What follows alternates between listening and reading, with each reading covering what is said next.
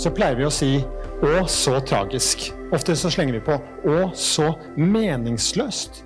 Han eller hun kunne hatt et langt liv foran seg og gode år. Og vi ser for oss liksom et, et, liv som kunne vart, og som ikke blei. Vi har en veldig sånn sterk sånn selvoppholdelseskraft.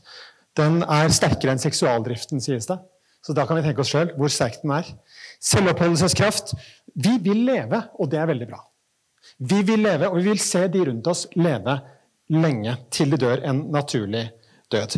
Og så kan vi tenke sånn, de som, de som dør unge, kanskje hadde han eller hun levd for å løse kreftgåten eller klimakrisen eller noe annet. Og jeg tenker Det er helt riktig å tenke sånn.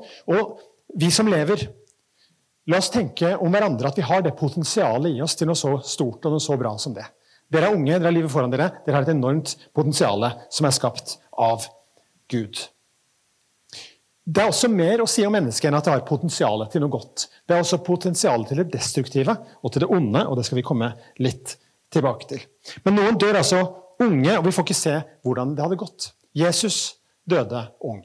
Er det noen som er 33 eh, år her? Chris? 33 eh, år, døde ung. Og så kan vi kanskje tenke tenk hvis han kunne levd til han ble 80. Altså Så mye som han utretta på tre år. Det ville vært veldig mye bedre om han levde veldig mye lengre. Eller ikke. Det er ikke sånn Bibelen tenker om Jesus.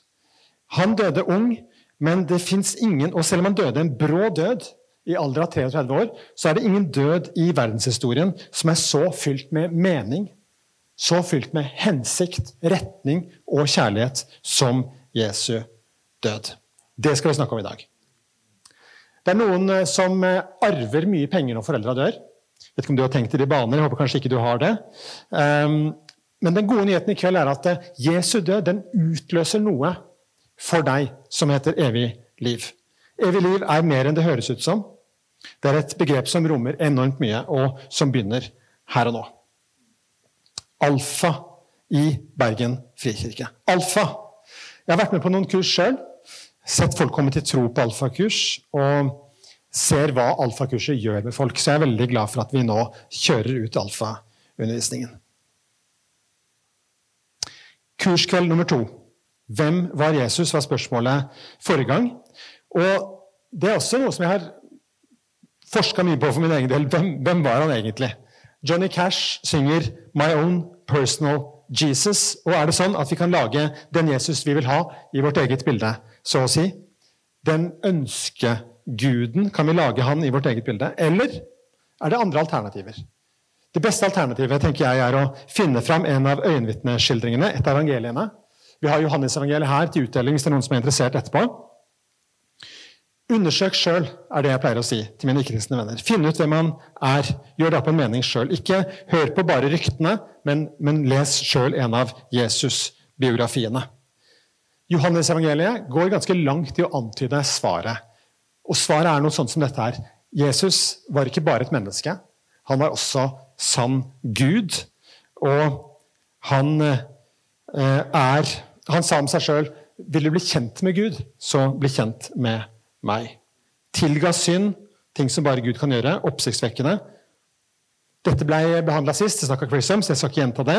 Men det er et slags bakteppe for kveld nummer to der vi stiller spørsmålet 'Hvorfor døde Jesus?' Og Det kan jo virke litt voldsomt dette her kristne, at kristne er så veldig opptatt av Jesu død. Altså dette korset som noen har i halsen. Korset som vi har på kirkespirene. Det er jo egentlig et torturinstrument. Det ville sett litt rart ut kanskje hvis det var en galge vi innførte å henge rundt halsen, eller, eller en, en elektrisk stol på toppen av kirkespirene. Men det er egentlig det det er. Hvorfor vokste korset fram etter hvert, etter noen hundre år med kristendom, til å bli et så viktig symbol? Vår logo, så å si. Jesus-biografiene, Matteus, Markus, Lukas og Johannes, de bruker en tredel Den siste tredel av boka handler altså om Jesu død. Og mye av det andre handler om hvorfor han skulle dø. Tydelig at Jesus var en mann hvis død definerer hans liv. Som enhver god krim så er det flere eh, forklaringsmodeller og flere lag i forklaringen av hvorfor Jesus måtte dø. Og Jeg skal i kveld gi dere tre forklaringsmodeller. Den første er politisk. På den tiden da Jesus levde, så var Judea, det landområdet, okkupert av romerne. og Det hadde de vært siden år 63. Så romerne var den herskende makten, og Jesus var en politisk eh, opprører. Han kunne i hvert fall bli sett på som en potensielt farlig opprører. Det som er med den kristne tro, er at den skjedde ikke i eventyrenes verden som det var en gang, men i virkelighetens verden, historiens verden, som starter med 'det skjedde i de dager'. Og Juleevangeliets keiser Augustus er på den tiden Jesus dør, erstatta av keiser Tiberius, som var keiser fra år 15 etter Kristus.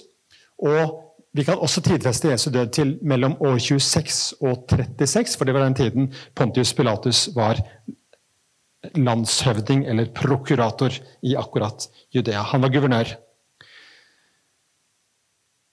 På denne tiden så hadde romerne utvikla en henrettelsesmetode som var helt grusom, nemlig det korset som vi omtalte i stad.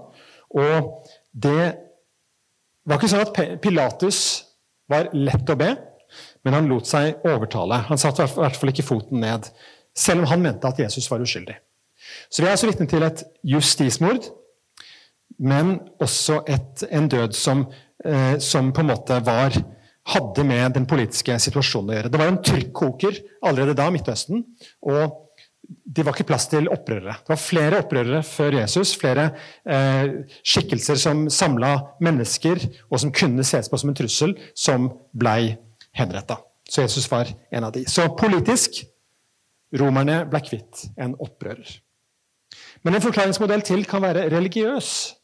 Og det var sånn at eh, Selv om dette landområdet, Judea, var okkupert av romerne, så hadde de også fått lov til å ha en viss religiøs frihet.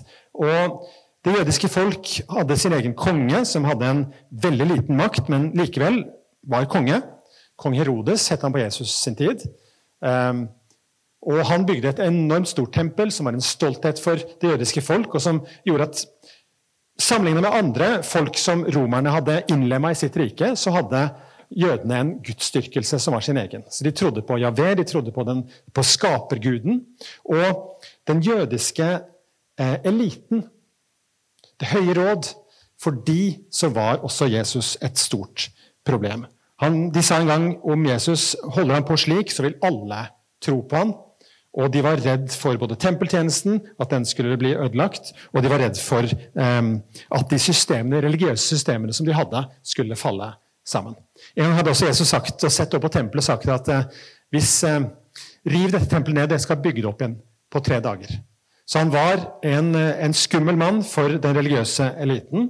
Um, han snakka da om seg sjøl, det kunne ikke de forstå. Av og til snakka Jesus på en sånn måte at det var vanskelig å forstå hva det var han egentlig mente. Men politisk romerne rydda han av veien. Religiøst den religiøse eliten, Det høye råd, rydda han av veien. Men skal vi forstå Jesu død, så må vi bringe inn en tredje forklaringsmodell. og Det er det jeg vil kalle en teologisk forklaringsmodell.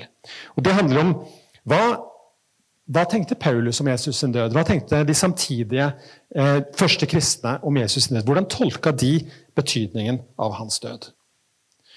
Bibelen har helt fra starten av en sånn rød tråd, en sånn retning fram mot et punkt Jesu død. Og etter at Jesus død har skjedd, så eh, ser man tilbake til det punktet. Historiens klimaks. Hva er grunnen til at Jesus måtte dø?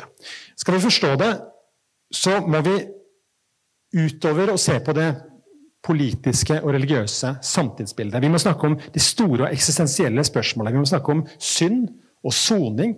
Vi må snakke om forbrytelse og straff. Vi må snakke om det onde og det gode og muligheten for forsoning. Og Bibelen er full av bilder på dette her, um, som kan hjelpe oss til å forstå det. Og Jeg skal gi dere tre bilder. Så tre forklaringsmodeller, tre bilder. Og Det første bildet som kan hjelpe oss til å forstå betydningen av Jesu død, betydningen av korset, er henta fra markedsplassen. Du har sett det på film.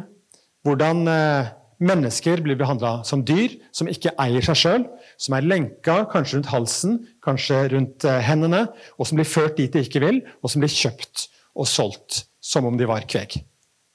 Slaver. En av betydningene av Jesu død er at vi ble kjøpt fri som om vi var slaver på et slavemarked. Kanskje tenker ikke du sånn om, om livet at du er ufri. Kanskje tenker du at nettopp vår individualistiske tid så er vi jo så fri, men hvis du tenker deg om, så er vi bundet av veldig mange ting. Vi er bundet av hva andre måtte oppfatte om oss.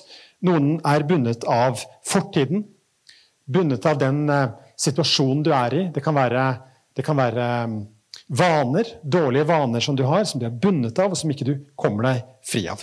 Bibelen snakker om at synda ikke bare gir skyld, men at synda også har en makt, eller er en makt. Den gode nyheten er at Jesus kom med et frihetsbudskap. Han kom for å sette deg og meg fri. Og Da er det bildet på en måte henta fra slavemarkedet. Amazing grace, how sweet the sound that saved a wretch like me. Den sangen er faktisk skrevet av en tidligere slaveeier som vendte seg bort fra sitt onde liv som slaveholder. Men denne friheten Ordet frelse på norsk betyr egentlig frihals. Å, å være fri fra de lenkene som bandt meg, er ett bilde på det som Jesus kom for å gjøre, og som hans død gir oss. Han døde for å kjøpe oss fri.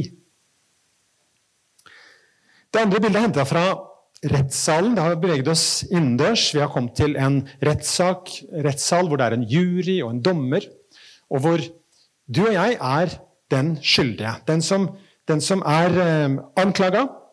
Og dommeren ser på oss og sier at eh, det du har gjort, gjør at eh, du må sone.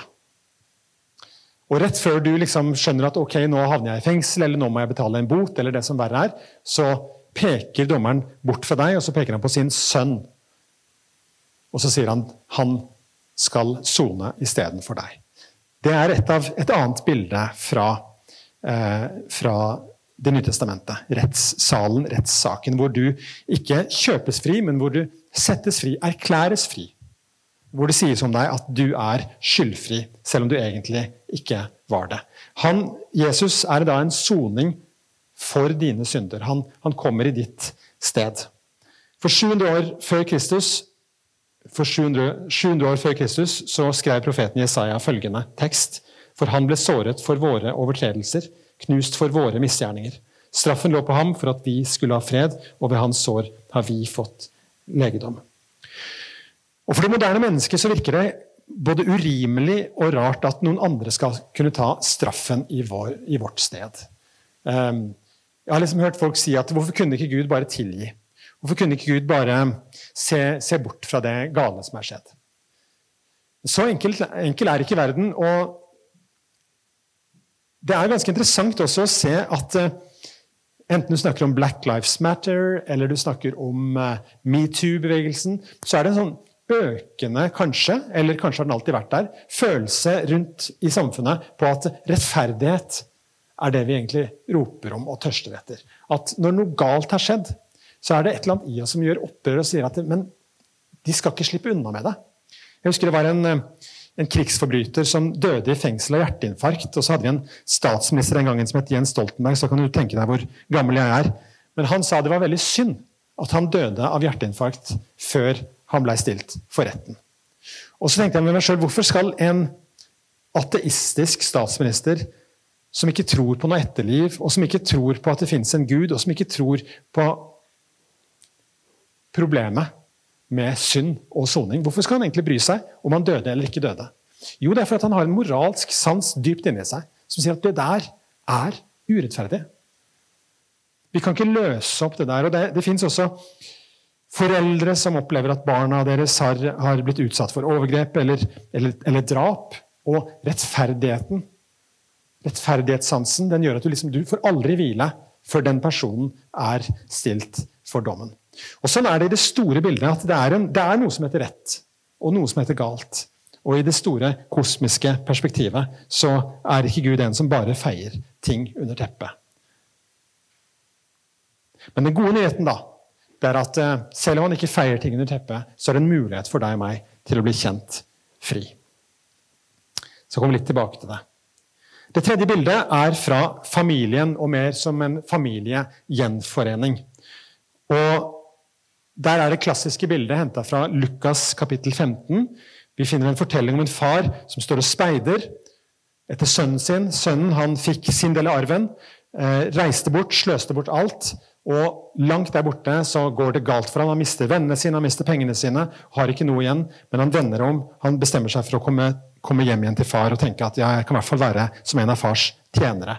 Men mens faren står og ser han langt borte, og han kommer på åskammen der borte, så løper han han i møte og kysser han og tar imot han, og, han, og forsoningen kan skje.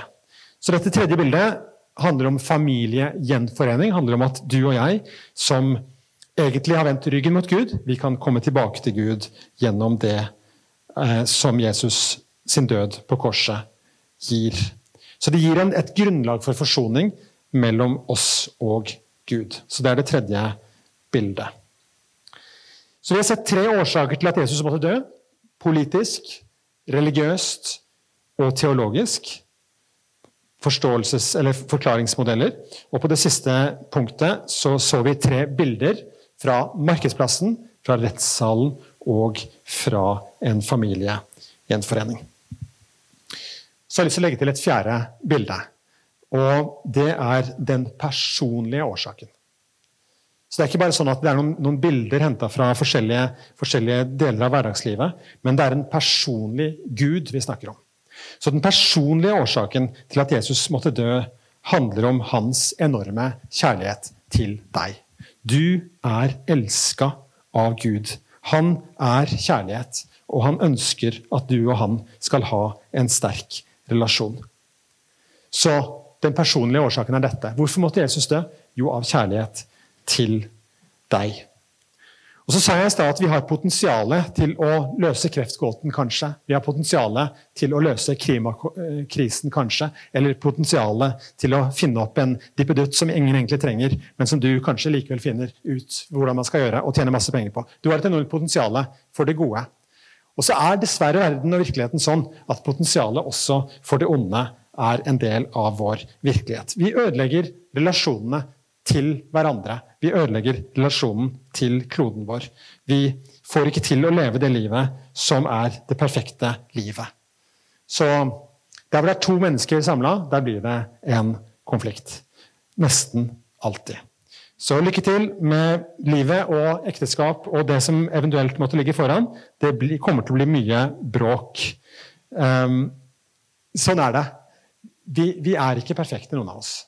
Men i det så er det heldigvis sånn at, uh, at Jesus er der for å gjøre noe med det. Um, jeg vet ikke hvordan det er med deg, men, men du har sikkert en sånn viss sånn standard som du ønsker å leve etter. Som du tenker at det, det er der jeg setter lista.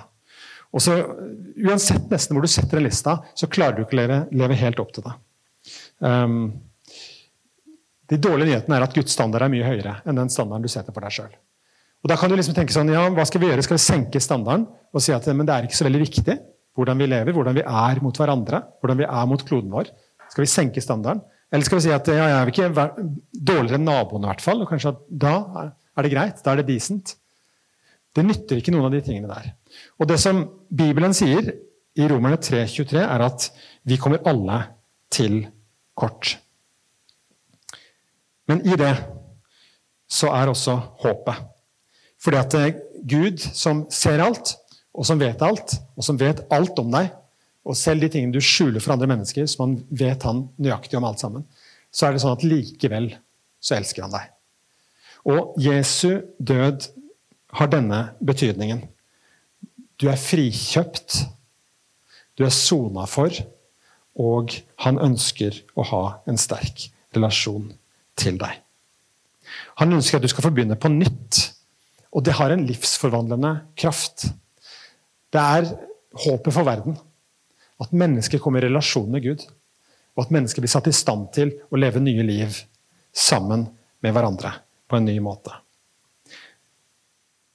Og så må jeg si en ting til. og det er det at Jesus-biografiene Selv om vi nå snakka mye om Jesu død og hvorfor Jesus måtte dø, så stopper ikke Jesus-biografiene med Jesu død. Han døde skikkelig, virkelig, og han var helt død. Men han sto også opp igjen. Og Det er nesten bemerkelsesverdig hvordan disse evangeliene, disse Jesus-biografiene, snakker om Jesus død ikke som en sånn dogme som du må tro, men de forteller om det som en historie som er verdt å tro på. Så les det, gjør det opp en mening. Han døde. Han ble lagt i en offentlig kjent grav. Grava ble funnet tom, og han ble sett i live en rekke ganger etter sin død.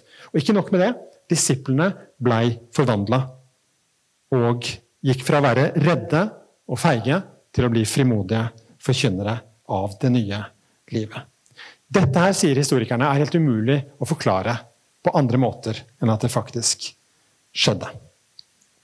Så betydningen av Jesu død er massiv.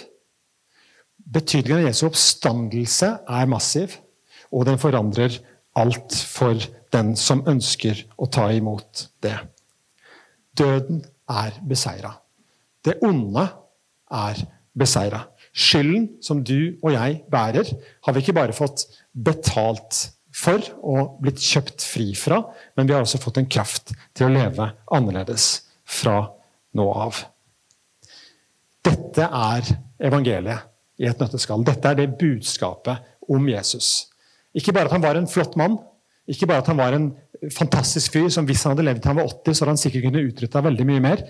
Han var en mann som kom for å ta på seg din og min skyld. For å gjenopprette og for å skape en ny verden. Som starter her, og som skal fortsette i all evighet. Når du har hørt på dette, så tenker du kanskje med deg sjøl at dette her, det tror jeg på. Dette her vil jeg leve på, dette vil jeg dele videre med andre. Gratulerer. Andre tenker kanskje sånn Dette her, det er ikke noe for meg. Og Hvis du sier det, så håper jeg maten på alfakurset er god. Takk for at du kom. Dette hadde vi lyst til å dele med deg, og nå vet du litt mer. Helt i orden. Sånn er det. Du velger å ta imot eller å la det være. For noen av dere, siden jeg bare kom til kveld to, så tenker du kanskje mm, dette var interessant, men jeg må finne ut mer. Da må du fortsette på alfakurset. Det er flere kvelder som ligger foran. Og så er det kanskje noen av dere som sitter her og tenker at wow, hvis dette er sant, så må jeg ha det. Hvis dette er sant, så ønsker jeg å ta imot det. Og da kan du faktisk allerede på alfakurset kveld to få lov til å ta imot Jesus. Ta imot frelsen. Denne personlige frelsen fra en personlig Gud som elsker deg, den er til for deg. Så join the band. Bli en del av denne bevegelsen som er global, og som har vart helt siden Jesu oppstandelse, og som kommer til å strekke seg helt til hans gjenkomst. Bli en del av det vi kaller kirke. Kom i dag til Jesus, ta imot hans frelse og så får du det helt gratis. Ikke fordi du har fortjent det, ikke fordi du har, eh, kan oppnå det ved dine egne gjerninger eller ved å be en fin bønn, men fordi han er for deg, og han har gjort det for deg. Så hvordan kan dette skje i praksis? Hvordan kan jeg ta imot dette? Jo, du kan ta imot det ved rett og slett bare å snakke til Jesus og ta imot ham i ditt hjerte. Så Det er det vi kaller bønn. Og Nå skal vi be. Nå lukker vi øynene. og så kan du få lov til å be sammen med meg. Hvis dette er for første gang for din del, så har du muligheten til å, til å invitere Jesus inn i hjertet ditt nå. Så nå ber jeg en, en, en, bønn, og så kan du være med på den i hjertet ditt uten å snakke høyt. Men i hjertet ditt så kan du være med og ta imot det som, det som du nå har fått høre om. Kjære Gud. Takk for at du ga din sønn for meg. Og kjære Jesus, takk at du kom for meg. Det er mye jeg ikke forstår om hvem du er, og hva du har gjort for meg, men jeg vil ta imot deg. Takk, Herre, at du er for meg. Og takk at på tross av den jeg er, og alt det jeg ikke har fått til, så ønsker du vennskap med meg. Jeg tar imot deg i mitt hjerte. Kom og fyll meg, og gjør livet mitt nytt fra nå av. Fyll meg med Din Hellige Ånd, og la meg få leve livet mitt sammen med deg og sammen med andre som tror. Amen.